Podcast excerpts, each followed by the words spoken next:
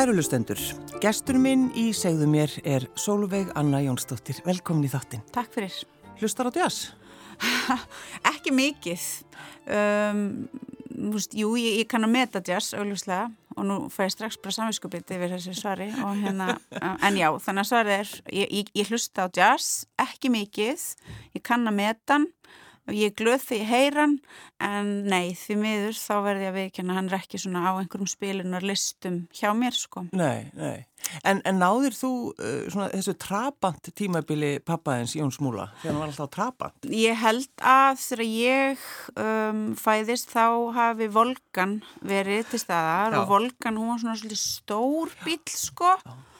og Um, svo úr volgunni þá fóru þau í Varstburg já. Varstburg er náttúrulega nokkus konar trabant. Já, já.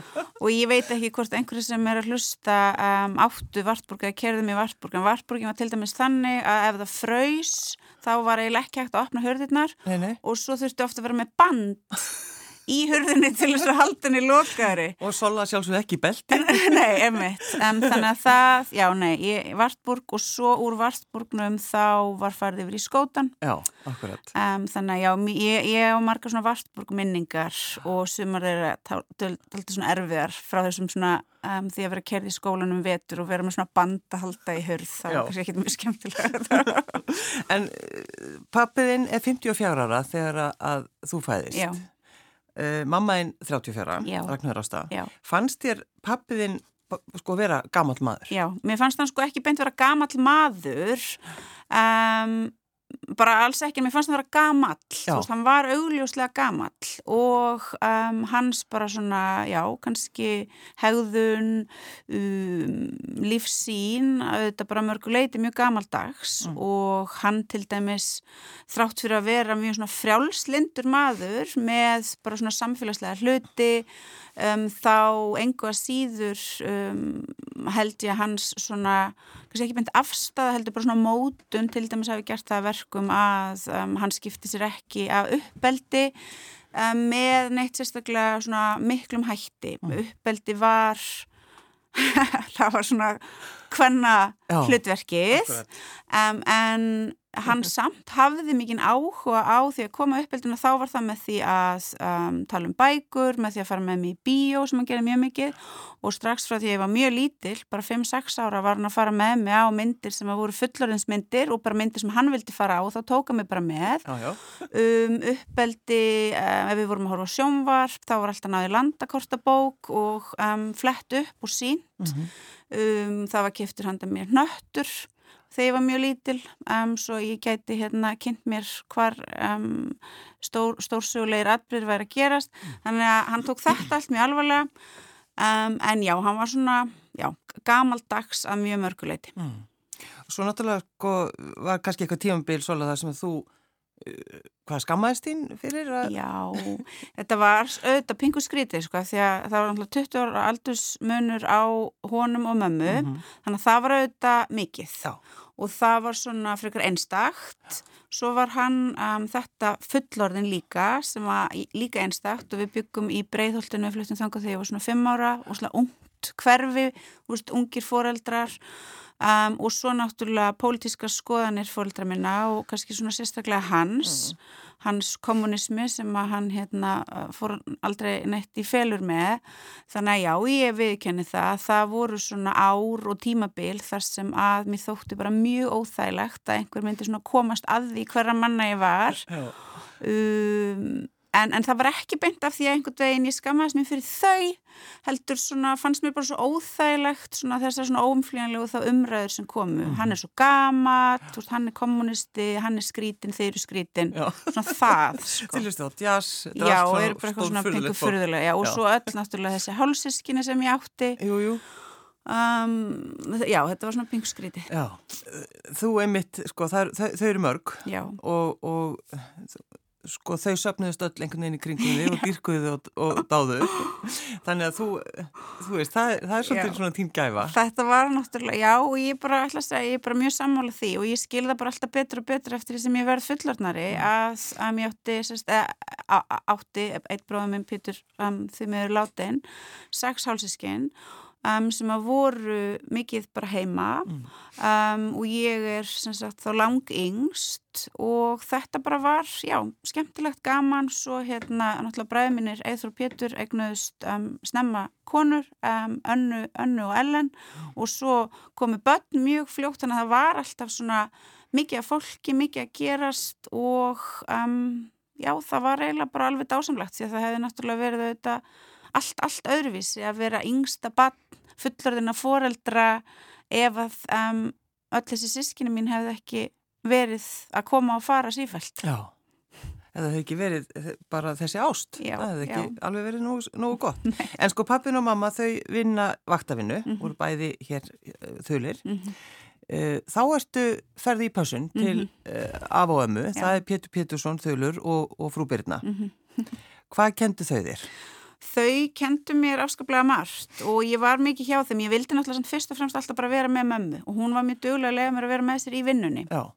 Um, en, en ég var mikið hjá þeim líka og þau voru náttúrulega miklir hérna svona áhuga menn og svona verndarar íslenskrar menningar og íslenskrar tungu. Og afi minn hefði náttúrulega verið mjög sjokkeraður að heyra hvernig ég tala og hversu mikið ég sletti. Um, en hann þarf blessunlega ekki að þóla það. En þau uh, lásu þjóðsögurnar mjög mikið fyrir mig. Já. og ég á mjög marga minningar af því að, að liggja með þeim bara upp í rúmi á kvöldin og þau eru bara að lesa þjóðsögurnar og um, það var auðvitað bara dásamlegt. Já. og þessi svona þessi svona nánd auðvitað og svo þessi svona nattni þeirra við að nú erum við að fara að lesa og þetta er auðvitað nám, þetta er veist, heima skólun sem að þarna á sér stað en gert með þeim hætti að það er bara gaman og ánægilegt og þeim fannst þetta greinlega bara svo ótrúlega mikilvægt að færa þessa svona þessa þekkingu á milli kynnslóðana oh. því miður hef ég ekkert sinn því svo við mína krakkar sko um, eins og kannski auðvitað bara mjög margir af, af, af minni kynsla þetta er náttúrulega einhvern veginn það, það breytist svo margt já, sko. um, þannig að já, þau voru mjög hérna um, tóku þetta mjög alvarlega mm. bæði gagast mér og sískinu mínum en Þú, sko, þú lærðir mjög fljótt að tala alltalandi mjög fljótt Já, ábyggilega, ég, ég man það náttúrulega ekki sér Nei, nei, nei, nei. Mér, mér er sagt það en, en að þú talar um þetta sko, hvernig þú talar mm -hmm. að tala hreint út mm -hmm. Er það, það fóröldraðinni sem að kendi þetta? Já, ég held að það sé um, mjög mikið bara það sem ég lærði bara þegar ég var lítil stelpa mm. og þau, það var engin svona, eða voru engin múrar settir upp á milli þess sem að var fyrir börn og fyrir fullorna en þau voru mjög prúð þannig að það voru margir hlutir auðvitað sem að voru ekki rætt Um, þannig ég er ekki að tala um einhvern veginn allt fullarins lífið hafi flætt yfir í barnalífið. En um, einmitt, veist, bækur, kvikmyndir heimsatburðir, pólitík það var engi múrar settir upp. Þannig ég náttúrulega hlustaði á þau tala og þau sátu uh, á mótnana og það blöðum voru lesin til skiptis upphátt fyrir hvort annað. Svo var náttúrulega bölsótast mjög mikið yfir hinnum ymsu hérna, atbyrðum og svo framvegis.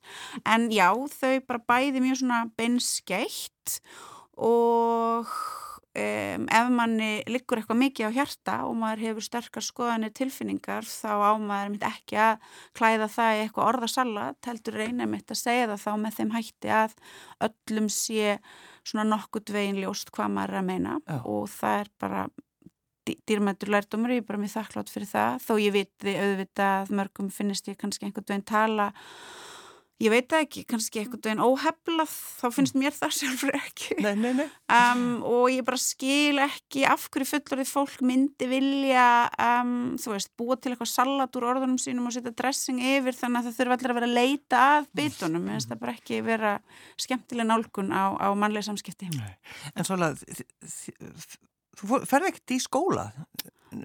Klára, þú auðvitað klára skilduna en, en fannst þér svona leðilegt í skóla? Mér fannst hræðilega leðilegt í skóla já. og ég, hérna, já, ég náttúrulega vildi bara mjög mikið fá að vera með mömmu minni já.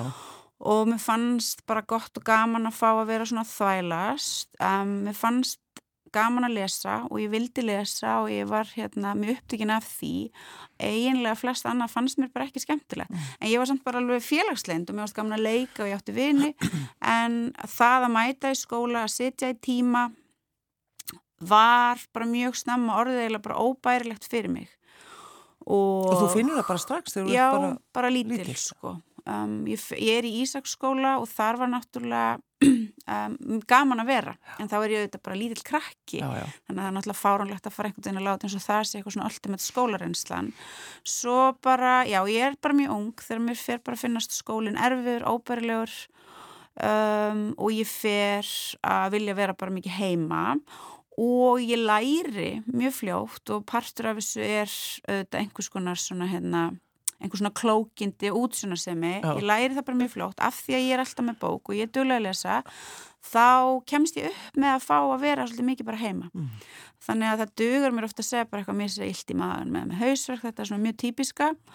Og svo er ég bara að lesa þannig að þá sjá þau fóröldra mín er ekki eins og ég sé einhvern veginn einhverju reyðarleysi heldur er ég þarna að sjálfsmenta mig já, já. og það er í þeirra heimi verðugt verkefni um, þannig að já, ég er svona rétt einhvern veginn druslast þarna í gegnum skilduna og svo fer ég í ímsa mentaskóla en meina það aldrei og legg mig aldrei fram og finnst það bara alltaf sífælt meira ömurlegt. Líðir þannig ennþá? Já, að, að nei, aldrei, nei. ég myndi aldrei gera og ég finn alveg ennþá ef ég er á einhverjum svona, hérna, einhverjum fundum og þú veist, einmitt einhvern svona efnistökin eru mér ekki að skapi eða framsetningin Já. þá bara gerist þetta átomatist og ég stjórna þessu bara ekki neitt og þetta er auðvitað einhvers konar svona um, ADHD symptom um, ég hef alveg mörg fleiri af þeim um, að þá bara sóna ég út Já. og svo dætt ég inn aftur og auðvitað er þetta ekki, þú veist ég ætti náttúrulega bara ekkert að segja frá þessu bara alls ekki. alls ekki en ég menna þetta bara gerist já, já. en þegar þú varst að fara í próf pappiðin var að raka sig inn í, inn í inn á baði já þá áttur að fara í próf í Já, ég, þarna er bara, ég er bara lítil sko, og þetta er náttúrulega kannski svona einhvers svona saga um það hversu svona tilviljuna kent, handhafskent mín svona hérna skólinn hefur verið. Og þá er ég að fara í próf og ég fatt að ég þarf að kunna að fallbega sko, og ég fer og spyr hann í mann, þetta er mjög svona sterk minning og hann er að raka sig. Og hann einhvern veginn útskýrir þetta fyrir mér með þeim hætti að þá bara er ég búin að læra þetta þarna á bara einhverjum nokkrum sekundum en ég minna það náttúrulega ekki hægt að að kenna manneski allt sem hún á að læra með þessum hætti og ég er náttúrulega mjög gloppátt og ég viðkenni það en það líka til ég að sé bara mikilvægt fyrir fullur fólk að vera ekki að hilma einhvern veginn yfir vankantum sínu nei, nei. og það er bara mjög margt sem að ég auðvitað bara kann ekki. En að samaskapi vegna þess að ég hef alltaf verið bara mjög svona forvitin og raunverulega mjög fróðlegsfús þá er líka ýmislegt sem að ég hef bara lært sjálf. Mm uh, og svona svo heima skólun sem ég sannarlega fekk hjá fóröldra mínum af og ömmu sískinu mínum. Ég hef svona náða byggja á henni. Þú veist það var góður grunnur mm. þannig að um, mér finnst ég geta fungerað bara í þessari veröld svona nokkuð vel. En þegar þú ferði til bandaríkina með þínu manni Já. Þegar ég, hvað, 8 ár? Já, við förum hérna út sem sagt 2000 og komum heim 2008 Já Og þetta er, þetta, þessi tíma hefði áhrif á þig? Þetta er mjög mikil áhrif á mig. Þannig er ég 25 ára gömur með tvö börn, mm. 30 ára og, og nýfætta dóttu mína og við förum þarna út, ég hef aldrei komið til bandaríkjan aður og þetta er að með, þú veist, ég, ég, kannski þessi svona kvadvísi sem að er um, svona, já, gefur kannski fólki vist svona hugrekki um, að, að stíga bara svolítið einhver svona skref og sjá hvað gerist. Um, og svo er ég hérna úti og ég er auðvitað fyrst bara svona mjög upptíkin af því að vera með þessi litlu börn. Um, og en svo náttúrulega gerast þessi rosalega atbyrðir, það er hérna um, árásin á týpraturnana og svo sem afleiðing af henni fyrst innrásun í Afganistan það glæpsamlega og hræðilega stríð og svo innrásun í Írak. Mm -hmm. og ég þarna svona sé um, það hvernig bara heilt samfélag raunverulega styrlast hvernig allir pólitíkusar að einhverjum örfáum undanskildum taka bara þátt í þessu að hella bara markvist ólju á þennan stríðseld um, þar sem að það verður þá bara algjörlega sjálfsagt að gera innrásir, glæpsamlegar innrásir mm. byggðar á þetta bara lígum Um, í, inn í lönd þar sem að þú veist bara saklaus alþýða fólks er myrt í hérna hundra þúsunda tali þar sem að löndur er bókstarlega lögð í rúst þar sem að bandaríkinu þetta líka opna hérna glæpsamleg fangelsi, Abu Ghraib, Guantanamo Bay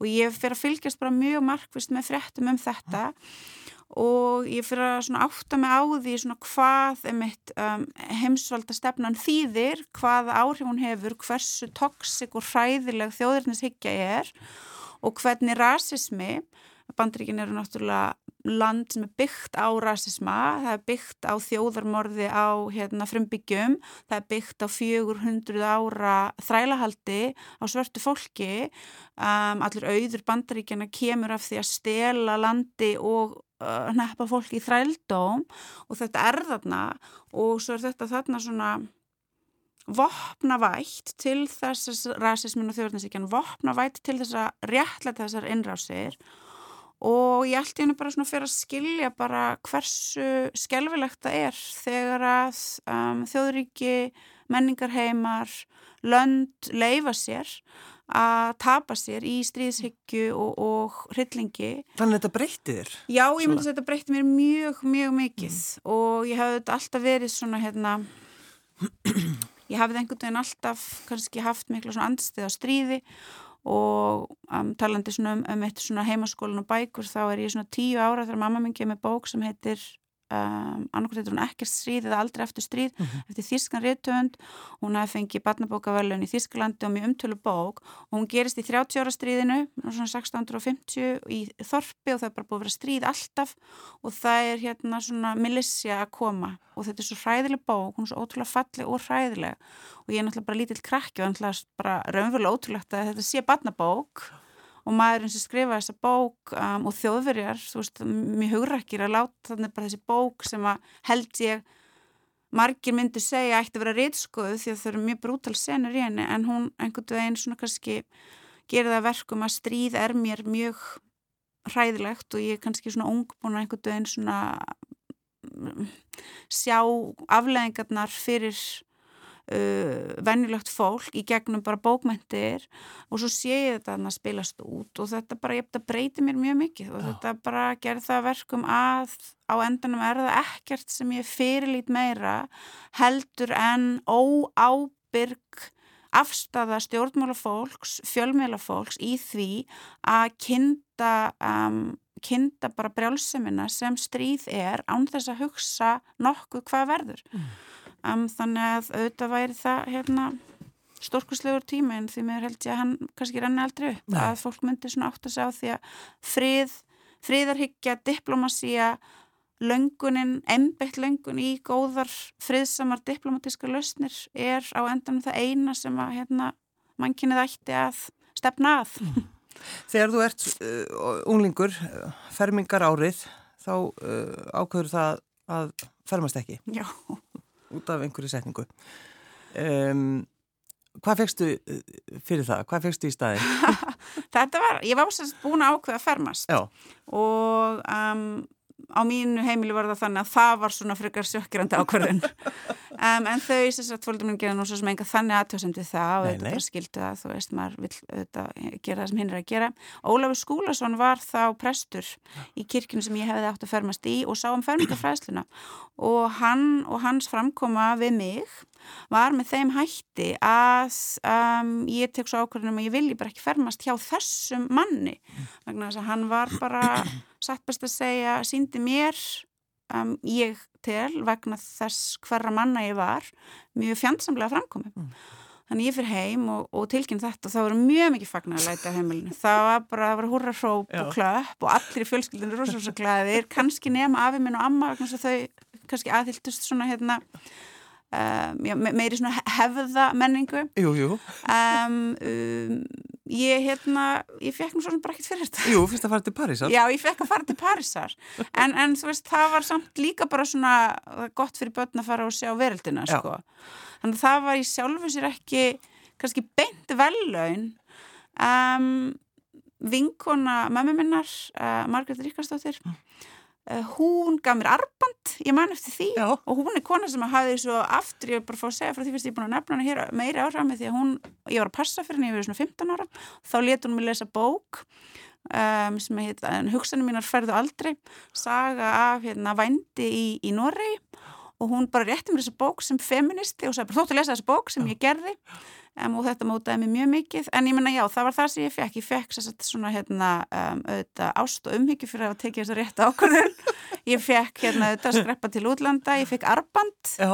og bara einhvern veginn með þessu var ég komin í hérna raunverulegu fullan á manna tölu. Ég hafði getið tekið upplýsta ákvörðun sjálf án þess að vera pressu til þess mm. með því að ég mitt bara hérna, nálga slutina út frá minni eigin siðfyrirskend og það var auðvitað svona stærsti sigurinn fyrir þau. Já, sko, ég verði eiginlega samt uh, að tala við þið aðeins um uh, kostningarnar sem eru, sko, ég ætla bara að segja það, sko, djöfulgangurinn í kringum kostningarnar. Hvernig, svona, hvernig kemur þau hvernig kemur undan þeim?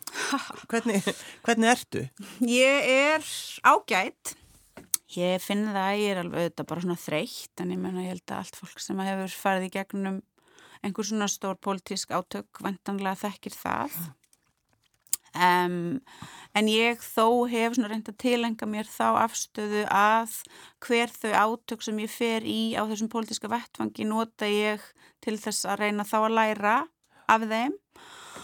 Og auðvitað hef ég bara svona lært ímislegt af þessu en ég meina um, þetta er mjög skrítið. Já og þarna aftur, af því við erum bara búin að vera að ræða svona hérna fjölskylduna mína og, og, og, og fóreldra mína og allt það auðvitað er ég kannski svona ágjörlega undir það búin að fara í eitthvað svona bara vegna þess pólitíska uppeldis sem ég fekk vegna þess að það var náttúrulega svona um, fjölskylduna minnar mótmæli 1949 á, á Östuvelli uh -huh. um, dómurinn sem að hérna fjall þar yfir föðum mínum og fleirum þar sem að þeir voru sviftir kjörgengi og svo framvegis um, þannig að þú veist ég hef einhvern veginn kannski alltaf bara svona vitað og aks akseptera það sem bara svona pingu sjálfsæðan hluta, ég menn það eru fórnir sem þú þarfst að færa. Ætlir þú að berjast um, fyrir samfæringu þinni?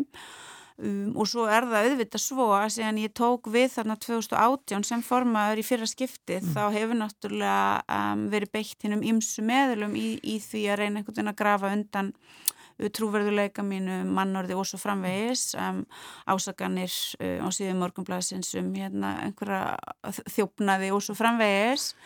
Svo auðvitað líka ef ég bara um, fyrir aðeins aftar en þó ekki til benskunar þá náttúrulega var ég um, í hópi nýmenningana sem að voru dregin fyrir domstóla fyrir það að hafa eins og það var kallað gert árás á alþingi. Jú, jú, og það var náttúrulega fyrir mig þá um, sem bara unga konu, ég var þá hvað 34-5 ára gömul, mér finnst ég allavega núna, finnst mér að hafa verið ung þá, um, þú veist orðræðan í fjölmiðlum um okkur þar, það átti bara að fyrst að taka okkur á lífi í fjölmiðlum til þess að þegar við erum svo dæmt væri það bara ekkit, ellera, við vorum hiski og skrill og bara einhvers konar landraða pakk og svo framvegis, þannig að já, ég kannski er eitthvað svona á einhvern pingu svona pervershátt ágætlega undir það búinn og meðan ég veit sjálf hvað er rétt og ránt, meðan ég veit sjálf hvað ég hef sagt gert og ekki sagt og gert, Já. þá er það á endanum eitthvað svona sem dögar mm. og ég hef ávalt sagt í þessu til dæmis hérna þessum átökum öllum í kringum formensku mína í eblingu og þessar kostningabartu, ég hef ekkit að fela ég get staði með öllu sem ég hef sagt og gert um, ég skammast mín ekki fyrir neitt um, þannig að það er það er bara svona sá staður sem ég stenda á og auðvitað þarf ég kannski svona að segja þetta alltaf við sjálfa mig með reglulegu millibili. En enn sem komið er allavega þá dugar þetta. Já, en sko mannorðið Já. að berjast sko Já. fyrir því. Já, en sko það skiptir mér bara mjög miklu máli að berjast fyrir mannorðið mínu. Já. Og það skiptir mér mjög miklu máli að um, það sé ekki einhvern veginn haft af mér. Og ég tek það mjög alvarlega. Þegar að aðfyrir gerð að mannurum mínu og ég mun verja mig með bara hérna þeim ráðum sem ég hef sem eru náttúrulega einmitt það að vita hvað ég hef sagt og gert að geta sagt að fullum þetta ég hef ekkert að fela um, verjast í auðvitað með orðunum mínum og með því að skrifa. En svo auðvitað líka er það kannski á endanum svona stærsti skjöldurinn og besta svona brinjan um, það að vita ég er að vinna með hópi félagsfólks eblingar sem að stiður mig vill að ég haldi áfram gerir ekki aðtöðsendir við viðskiluru aðferðir mínar eða framferði heldur þvert á móti þú veist, er ánægt og glatt yfir því að loksins sé einhver eldmóður komin og loksins sé mætt uh, fólk, manneskja sem að setist við samningaborðin hver svo sem þau eru með einbeittan vilja og metnað til þess að reyna að sigra um, þú veist það er ekki gefið að maður sigri en ég minna til hvers að standa í þess að þú ert ekki bara með þannan svona ofsalega intensífa eldmóð og, og metnað mm. og ég hef haft hann og allavega enn sem komið er þá hérna, er ég bara, já, ég bara ég finna hann er þarna en þá og ég þakka fyrir það. Já, en á þessu tímabili sko, reyðin varstu einhvers tíman algjörlega brjáluð? Já, já, já, og ég er skammast mér nekkit fyrir að vera reyð já. og það er nú svona í hinnum feminísku fræðum um, pælingar er mitt og skrif og bækur um það er mitt reyði kvenna já og hérna einn ein svona merkilega, merkilegasti feminíski hugsuðurinn Audre Lorde, ég minna hún er mitt talað um þetta, konur eru hættulegar, konur eru magnaðar, kröftugar og svo hérna uh, hef ég svona verið í á að lesa greinar og svona undanfærið um þetta, ég minna reyði hvenna eitthvað svona sem hefur verið tabu og við eigum ekki verið að reyðar Nei. og við eigum alltaf verið bara jákvæðar og allt þetta sko, ég minna þetta er náttúrulega bara kún vegna þess að reyði er náttúrulega bara partur af tilfinninga litrófi manneskjunar og það að ætla að neyta fólki um það að fá upplifa reyði er náttúrulega mjög sjókt og já, ég verð bara mjög reyð og um, uh, það er bara sjálfsagt og eðlilegt. En það náttúrulega ég samt að fá að segja að í mínu persónlega lífi reyni ég að vera ekki reyð Nei. og ég tel að í svona persónlega mannlegum samskiptum eigi fólk að forðast það mm.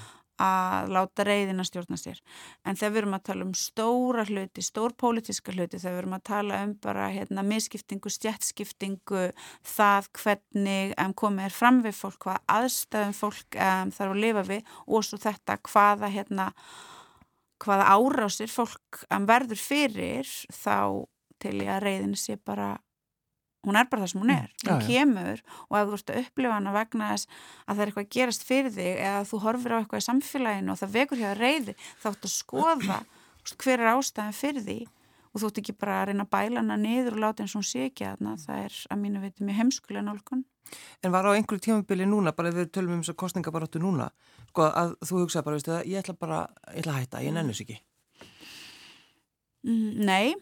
yfirleitt ef ég er búin að ákveða að gera eitthvað þá hugsa ég þetta ekki Nei. ég hugsa alveg oft, ég nenni ekki og ég ætla ekki að gera það Já. og ég ger oft ekki hluti sem ég nenni ekki að gera en ef ég er búin að ákveða að gera eitthvað eiginlega bara alveg sama hvað það er mm. þá bara ger ég það og þá er ég ekki, þá eru þessar hugsanir yfirleitt ekki að tröfla mig þetta verði þreytt en þetta er einhver svona kannski einhver svona embedding sem að sögum þess að ég tel að ég sé á svona hérna ADHD rófinu í það minnsta, ekki það ég sem með formlega greiningu.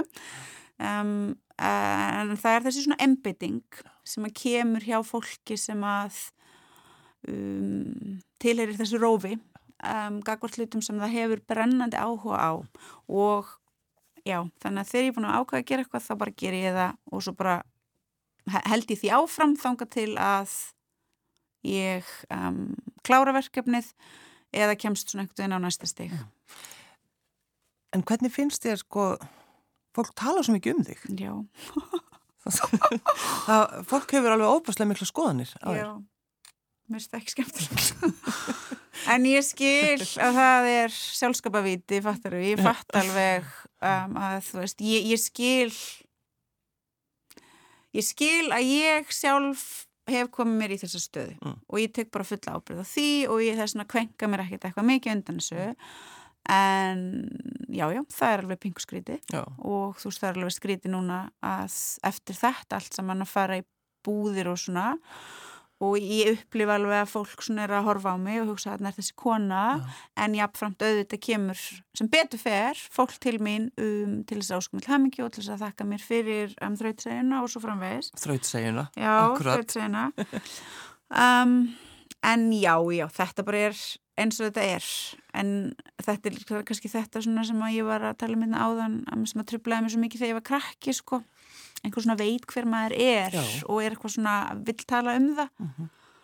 en aftur segi ég bara ég bara axla fulla ábyrð á uh, mínum gjörðum í þessum öllu og bara svona er þetta En krakkarnir ykkar, pæla þau mikið í þessu? Svona? Þau eru náttúrulega uh, veist, orðin um, fullorðin um, Jón Múli, sonur okkar hann er 20 24 og er að vera 25 já, og Guðni Margreit, dóttur okkar, hún er að verður bara um 22 Þetta er bara fullorðið fólk Þetta er fullorðið fólk, já, en þau eru hérna, og þau hafa áhuga og styðja en þau eiga bara sitt eigið bara líf og hérna sín, sína, sína, sína einn áhuga mál og svo framvegs þannig að þau finnst mér bara hafa mjög svona heilbriðan álgun á þetta. Mm. þau styðja, þau hafa áhuga en ekki of mikinn og mér finnst það líka bara að vera svo gott mér finnst það eigi bara pingu að vera svo les.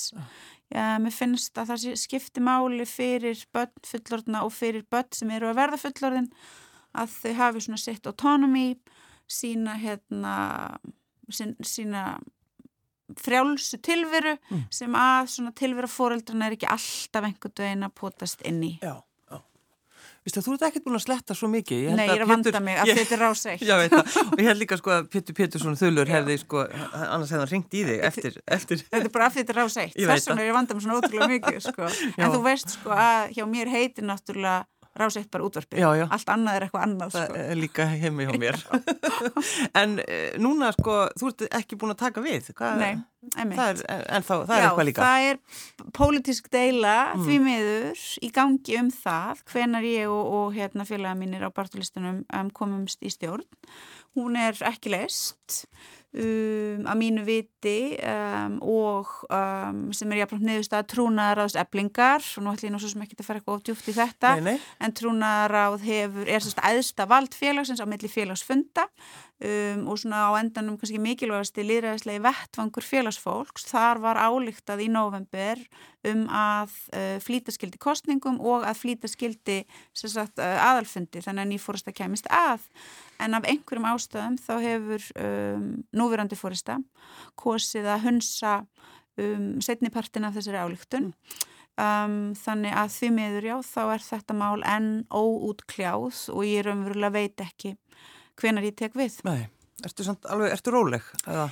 Já, já, ég er ákveðlega róleg. Ég meina, þetta er búið kostningarnar, ég vann og félaga mínir þrátt fyrir allt saman.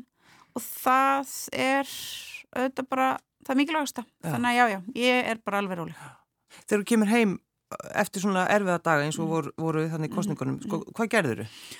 Já, ég gekk rosa mikið um golf Ég held ég að aldrei gengið mikið um golf heldur að síðustu vikur og mánu þetta Já. er alveg ótrúlegt ég bara vissi ekki að það væri hægt að ganga svona mikið um golf Já.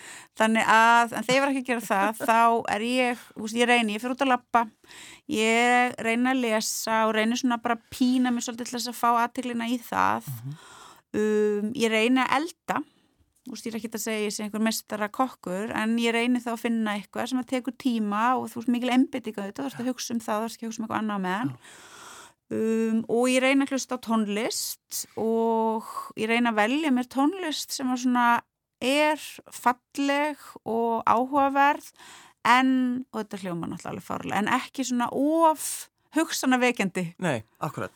Og við, þú hefði mitt valdir. Já, Já. ég hérna valdi uh, lag af disk sem að kona sem heitir Kristína Plúhar, sem að þú veist hver er, austrísk kona, mm. hörpuleikari en um, kannski fyrst og fremst svona hérna stórkoslegur um, stýrandi tónlistarverkefna sem ég fann bara fyrir einhverja tilviljun og þetta er diskur sem heitir Via Cruises og þarna eru svona hérna ymsir sem að koma og spila með henni og þetta er ótrúlega stórkoslega fagurt bara lagverk sem að heitir Stabat Mater mm. sem að er hérna um, já þetta er þetta er náttúrulega úr þessari svona kristnu hefð já, já. sem að við auðvitað er okkar arfleið um, móðir krist á krossinum og, og sá harmur mm.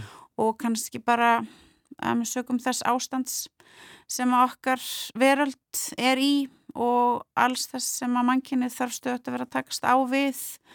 Um, í, já, bara sem að við ættum ekki þurfa að vera takast á við en einhvern veginn sleppum aldrei undan. Þá fannst mér þetta við hæfi. Um, af því það er líka bara þessi svona mikla fegurð þrátt fyrir allt sem að hérna er þarna. Mm. Solveig Anna Jónsdóttir, takk fyrir að koma. Kærðakir